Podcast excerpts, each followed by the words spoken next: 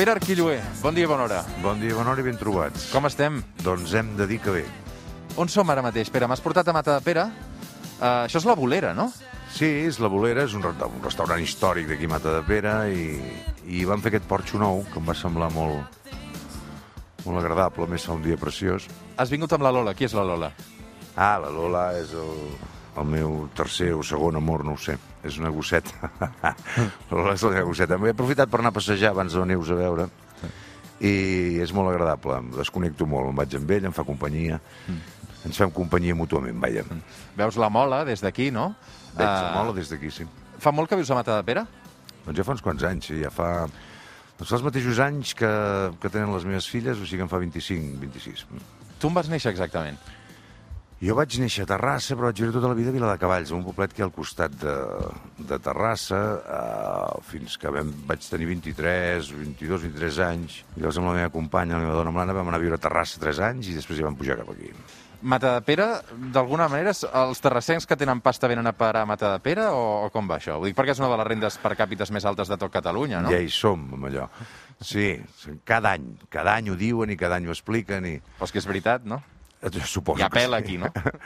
Hi ha gent que té pela, hi ha gent que... Sí, evidentment que és un, és un poble amb una renta per, per, per càpita alta, però no vol dir que tothom tingui pela. Hi ha molta gent que és molt normal, i jo un d'ells, que vivim d'una manera normal i és un poble en aquest sentit doncs, molt agradable i un poble on es- viu molt tranquil.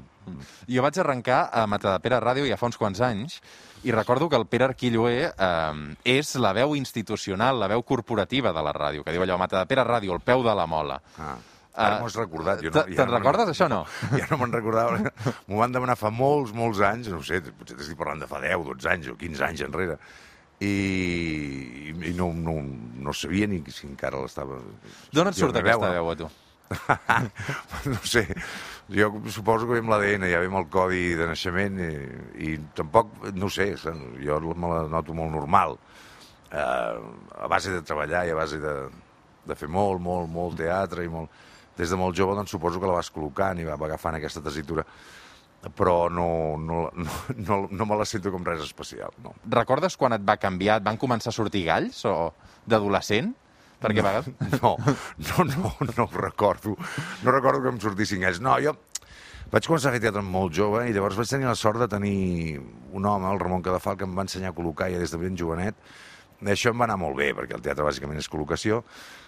Ara sembla que a la gent jove això li costa una mica més, no ho té tan present, els teatres han fet més propers, es treballa amb teatres més petits, però aleshores treballàvem amb teatres bastant grans i tenies la- l'obligació, la necessitat de, de, de col·locar. De col·locar Què vol la dir veu. col·locar la veu? Col·locar la veu vol dir que puguis estar fent una obra de Shakespeare 3 hores, que et sentin a la fila 34 i no et quedis afònic, simplement. Eh, col·locar tota una tècnica, una tècnica de màscares, una mica semblant al que seria l'òpera, però, però diferent. El teatre tires des d'un altre cantó, no?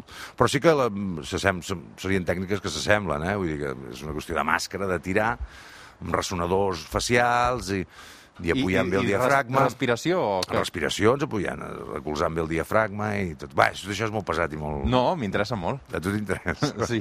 No em sembla molt bé que t'interessi. Pues això és tota una tècnica, és un...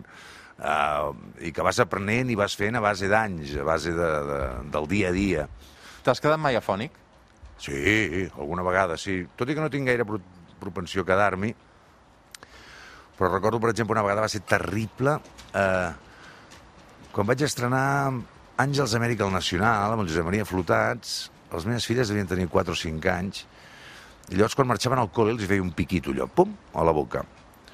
I eren molt petitonetes feien mum, mum. I una portava un, alguna, alguna cosa, portava un virus o alguna cosa, i vaig quedar completament afònic tres dies abans de l'estrena. El recordo com un moment d'aquells que dius, eh, hòstia, mm, fotut. Vam poder estrenar molt just, amb micròfon, i vaig poder fer la funció, però és de les vegades que em vaig espantar, per exemple. No? Someday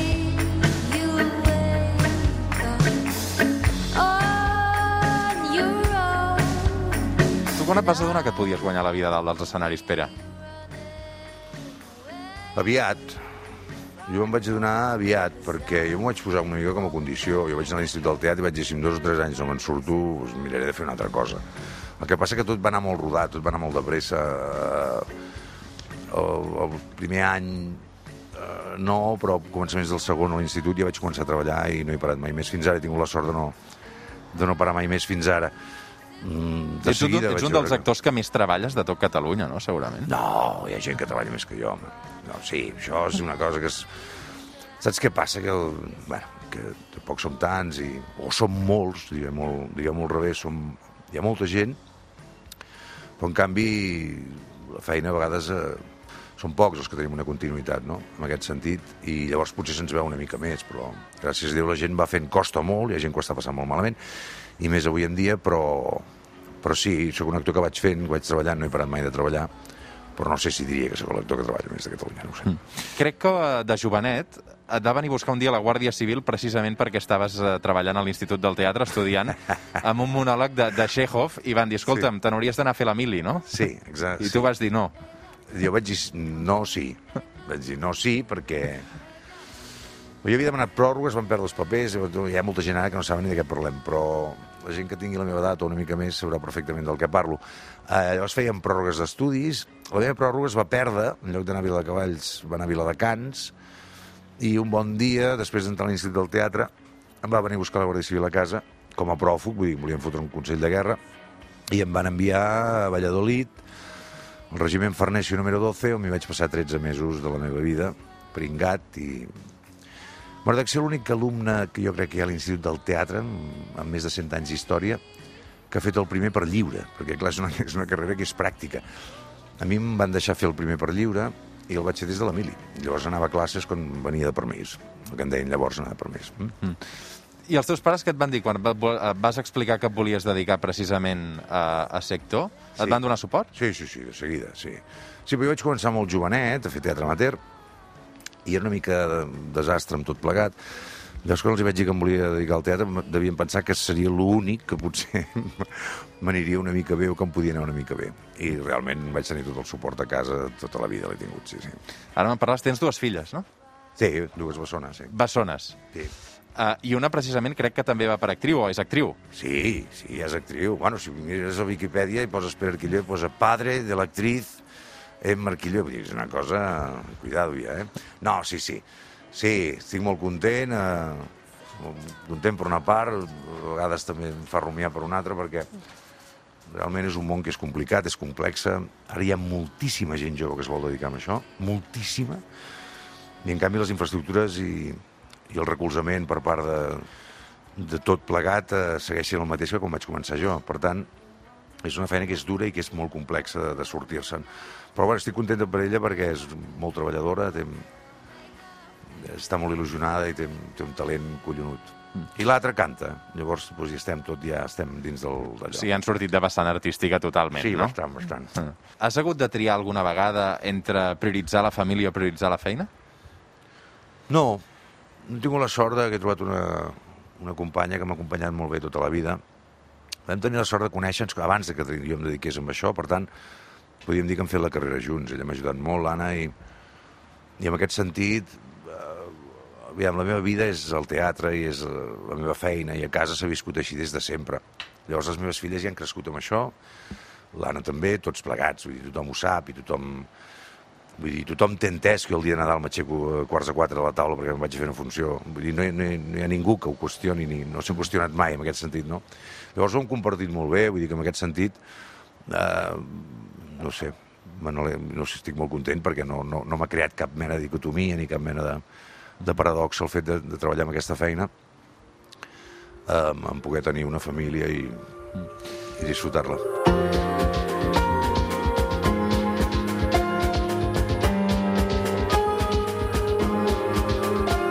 Per què creus que tantes vegades et toca fer papers de dolent? Això és ara. Abans no, vaig fer molts galants, jo també, eh, abans. Havia fotut els guapos i els bons i tot això, de jove. No ho sé, no sé, últimament... Eh... Bueno, és com una mica la comèdia, també, eh?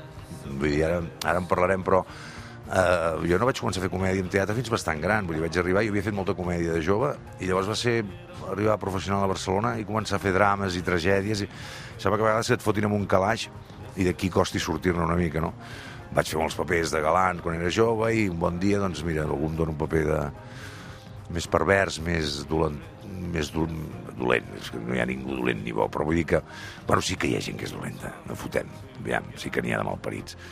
Però que sí, s'obre aquesta caixa, sobre aquest calaix, i la gent comença a donar mapes d'aquests, no? Però això passa molt, eh? Vull dir que a vegades t'encasilla, et, et, et fiquen amb això, amb diversos calaixos i allà costa moure's. Prefereixes fer de guapo que de dolent? Guapo i dolent, ja, ja fem-ho tot, si ho fotem, fotem-ho tot, fem de guapo i fem de dolent alhora, no? Parlem de l'ego, no? Perquè per ser actor, per pujar a l'escenari, necessites, suposo, també un ego important, no? O una autoestima, també. Sí, sí, jo no sé si en diria ego, però sí que... Ja, és una feina molt insegura, els actors, és una feina més complexa del que la gent es pensa, poc respectar, respectada aquest país i, i ho sabem, eh? Vull dir, però és, és bastant més complicada del que sembla. Llavors, eh, per naturalesa, l'actor és insegur i llavors necessites moltes vegades buscar-te aquestes seguretats perquè si no es fa difícil a vegades pujar eh, allà dalt davant de 500 persones i començar a explicar coses. De totes maneres, també, eh, amb els anys almenys, jo he anat entenent que tampoc eh, passa res si un dia no, no, no va la cosa. No estem operant a ningú, no, no, no estem, hi, ha, hi ha feines que amb una responsabilitat molt més alta en aquest sentit, no? Nosaltres, en tot cas, tenim una responsabilitat, no sé, més ètica, més d'en- d'ensenyar o de, de cara al llenguatge, a les paraules, a, als sentiments, de tot això, però tampoc passa res si un dia ha passat, eh? Aquí a Barcelona ha passat amb gent, a vegades doncs, quedes un blanc, o tens un trac, o t'agafa un... I agafes i te'n vas de l'escenari, adiós. I demà ja tornem a parlar. Que es passa molt malament quan et passa, eh? Vull dir que...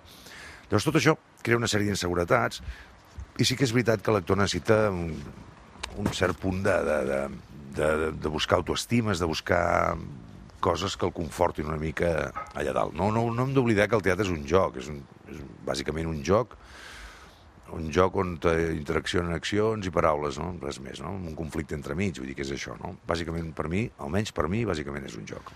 Tu actues per l'aplaudiment? No, no, no. Perquè pot ser aquest reforç positiu, no?, que també necessita. Sí, és un, és un premi, és, és molt curiós, vull dir, l'aplaudiment és l'acció física que fa el públic per dir-te que això m'ha agradat. Vull dir, si t'hi fixes bé dins d'un teatre, la gent està quieta i pensa, i els actors no pensem i, actua, i accionem. I quan s'acaba això, giren els papers. Ells accionen, que és aplaudint, i nosaltres rebem l'emocionalitat del públic, o en tot cas pensem. És així de curiós, encara que sembli que els actors pensem, a dalt d'escena pensem poc. Accionem molt, però pensem molt poc. Perquè si et dediques a pensar, mmm, foto de l'em. És bastant probable que no diguis el text que toca. Però, per exemple, en una, en una peça o en un moment en què t'has d'emocionar, per exemple, mm. que necessites que et caigui una llàgrima, Sí, tu amb què, amb què penses allà? O, o, o quina tècnica utilitzes? Si, si dius que no penses, com ho fas perquè aquella llàgrima et caigui i sigui creïble? Bueno, ho sents, acciones, eh, utilitzes diferents recursos, no? Per això tampoc em vull posar aquí... eh, No sé, les situacions són les que són. Les situacions sí que les transites, les situacions sí que les passes, passes per dins de les, de les situacions i si estàs dient-li a algú que l'estimes i se t'està morint els braços, doncs segurament encara que no t'hagi passat a la vida real, que per això projectem, per això visualitzem situacions com aquesta, doncs fa que t'emocionis i que et puguin caure no una ni dues, sinó a vegades... A mi no em costa gaire posar-me a plorar d'un escenari, la veritat és que no, no, no m'ha costat mai gaire. De jove, una mica més, tens més pudor i això, però ara de gran, som, eh, al revés. A vegades ho agraeixo. Antigament es deia, no, plorar a casa, als escenaris no es plora, mentida, no? Vull dir, no passa res si et fots a plorar o a riure o qualsevol situació que, que transiti per dins de l'obra. En el fons és un plaer i és un joc. I el que fas és intentar ser el màxim de patètic possible. Patètic entès com a patos, vull dir que, que arribi aquest sentiment a l'espectador. No? Les pobres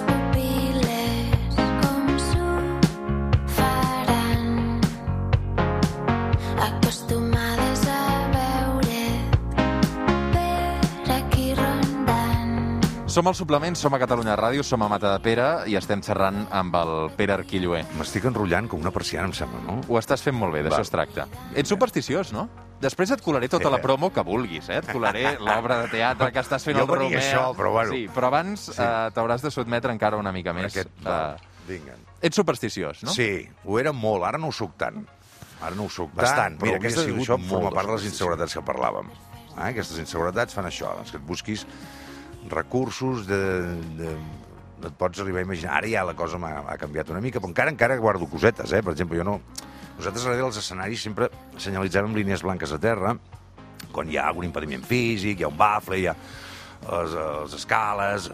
Jo no trepitjo mai una ratlla blanca, encara ara, per exemple. Mai de la vida no, no em veuràs trepitjar una línia blanca. A vegades m'ho foten molt complicat, perquè em posen tot al darrere ple de, de línies blanques per terra, però miro encara no, no trepitjar una cap. Aquestes coses Eh, I dius, quina tonteria. Doncs no, no és, no és tan tonteria, perquè en el fons el que fas és concentrar-te en això, que t'ajuda eh, estar concentrat en en, en el moment en què vius, el moment que estàs allà darrere del teatre i a punt de sortir escena. Vull dir que tot té, una mica el seu per què. Havia sigut, mm, ja et dic, més supersticiós, no ho soc tant, però en- encara faig coses, sí. Els calçotets, també, no? M'han dit? Els calçotets ja és una llegenda.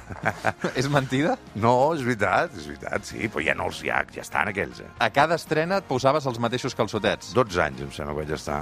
12 anys, Anna? Sí, 12 anys. Em sembla que vaig estar 12 anys estant amb els El dia que la goma es va donar, què vas fer? Doncs llançar-los, clar. Va arribar un punt que vam dir, no, pot ser més, això.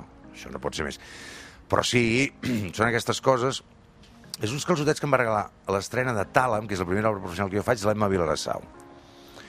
I, no sé, em va fotre tanta gràcia, doncs, que a més allò, la primera, m'ho vaig passar tan bé, ens ho vam passar tan bé que vaig estar molts anys. Però més me'l posava el dia de l'estrena, es pensi la gent que anava tot el dia I la funció moltes vegades et deu coincidir amb el futbol, que ara, segons com, Sí. pot ser un avantatge, perquè tot això que t'estalvies, no? Sí. Sí, bueno, aviam aquest any, aviam que, no sé. Però, bueno, sempre em busco algú a prestar, hi ha algú per allà entre caixes, algú dalt, dalt el control, que em fa llums, alguna cosa, alguna cosa busco sempre per anar a intentar. Com has passat aquests mesos sense futbol i sense teatre? Hem de dir que bé. Mm, Hem de dir que bé, jo no em puc queixar, no, en cap cas eh, em queixaré, vull dir, és, està sent molt dur, i ho sabem per tothom, però a casa no hi ha hagut cap cas de, de Covid. Bueno, sí, tinc una cunyada que sí que l'ha agafat, va passar una mica malament, la meva sogra també, en canvi la meva sogra amb 85 anys va fer una mica de fabrícula i ja està, no? I en canvi la meva cunyada amb 55 o 56 anys ho va passar, les, les va passar més magres. Però a casa no hi ha hagut cap cas de Covid, hem, no hi ha hagut ningú malalt, hem anat trampejant, hem anat fent, amb una, amb una tristesa important per tot, pel sector, per, per com estan les coses, eh, una certa tristesa. Tu has entès que s'hagi trigat tant a obrir els teatres una altra vegada? Costa una mica d'entendre, la veritat és que, és que costa d'entendre. Mira, jo, aquesta gent, els plànyols que han de prendre decisions, no és fàcil, és un moment que és molt, molt, molt, molt, molt complicat. Uh, I el problema, el problema no, no, almenys per mi, no ve d'ara.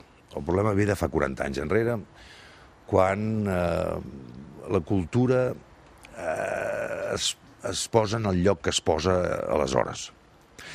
Uh, si, uh, és, no sé com explicar-ho, és una cosa que arrosseguem de fa molts, molts, molts anys. Ja veníem molt piocs i molt tocats abans de la crisi del 2008. Uh, allà aquella crisi és, és forta i fot un hòstia al sector important.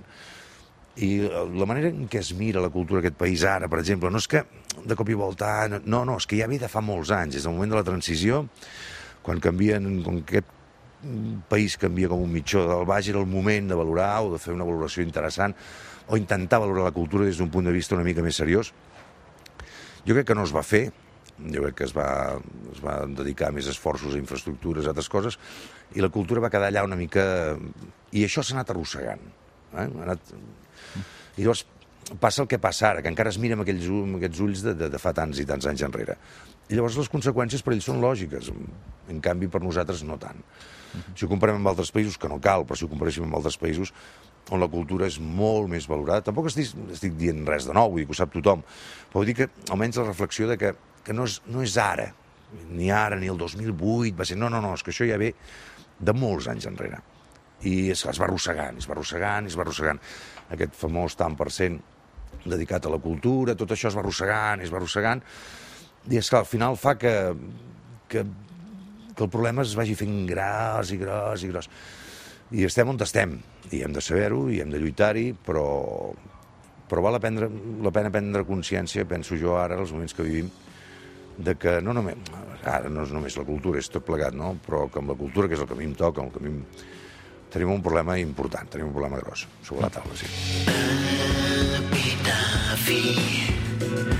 La vida està sobrevalorada.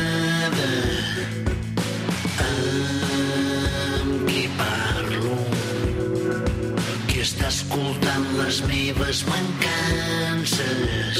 Pere, aquests dies eh, els teatres han tornat a obrir i vosaltres ho feu per la Porta Gran al Romea amb aquests 53 diumenges. Sí. Es va estrenar aquest dijous, de fet s'estrena avui, que és el dia que estem enregistrant aquesta Sí. entrevista, que és una comèdia, no?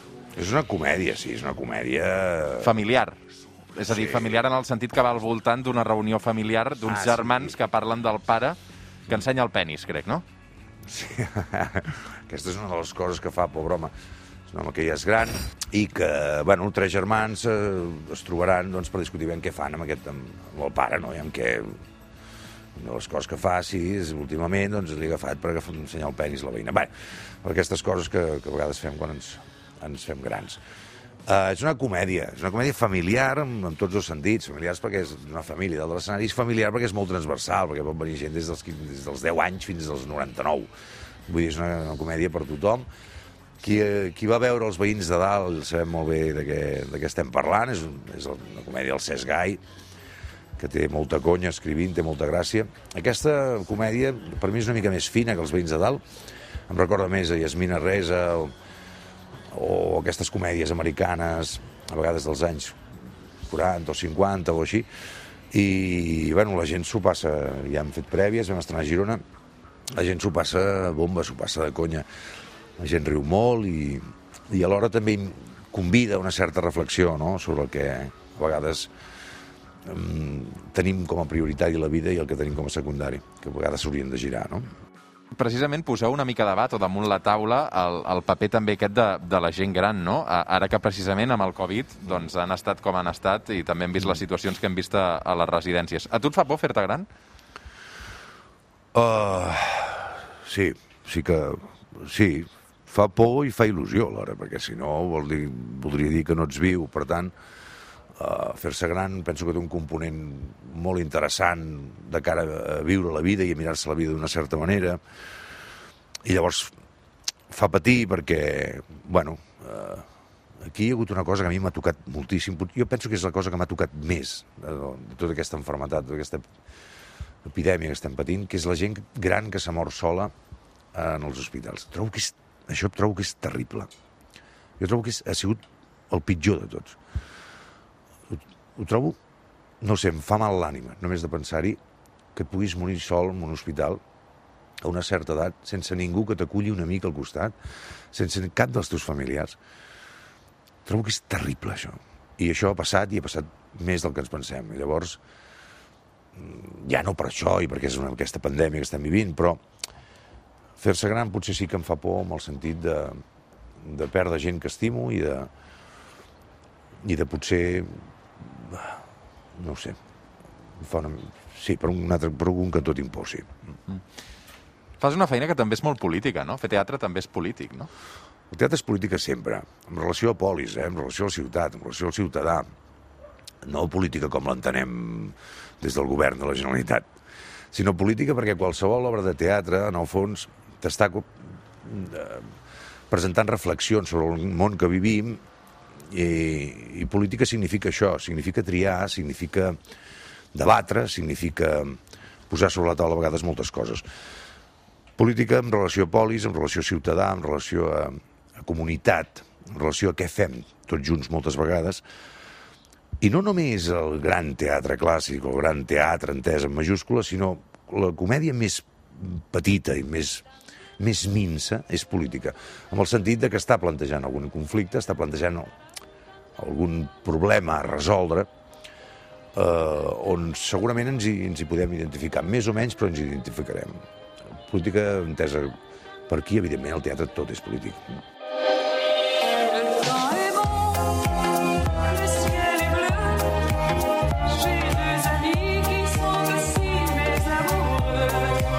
Pere Arquilloé, m'agrada molt conèixer-te, xerrar una estona amb tu. No sé si tu esperaves així o no. Uh, has pogut colar la falca, has pogut colar la falca que volies o si no tinc uns minuts ara publicitaris per... No, no, no, jo no. No, no, m'agrada parlar al moment de les coses que estic fent al moment, és evident que, que sí, que tinc ganes de que la gent vingui al teatre. No l'he dir... no pogut veure perquè no s'ha estrenat. Eh, No, no, tinc ja excusa encara, Sí, tinc encara tens excusa. excusa. Però la gent que ha vingut, el que sí que puc dir és que en té moltes ganes. Tot i el, les separacions, tot i la mascareta, tot i la gent ve amb il·lusió i la gent ve amb ganes de riure, ve amb ganes de passar-s'ho bé i es nota del dalt l'escenari, es nota. Es nota que la gent té ganes de, de, de cultura, té ganes de, de tornar a viure moments, experiències i, i, i que, que ve amb il·lusió. I això des de dalt s'agraeix, s'agraeix molt. Teatre Romà, 53 diumenges, amb el Pere Arquillué també com a gran reclam, eh, una obra del, del Cesc Gai. Moltes gràcies, Pere, molta Roger, sort. a tu i a tothom que ens escolta, moltíssimes gràcies, una abraçada. Catalunya Ràdio. El suplement. Roger Escapa.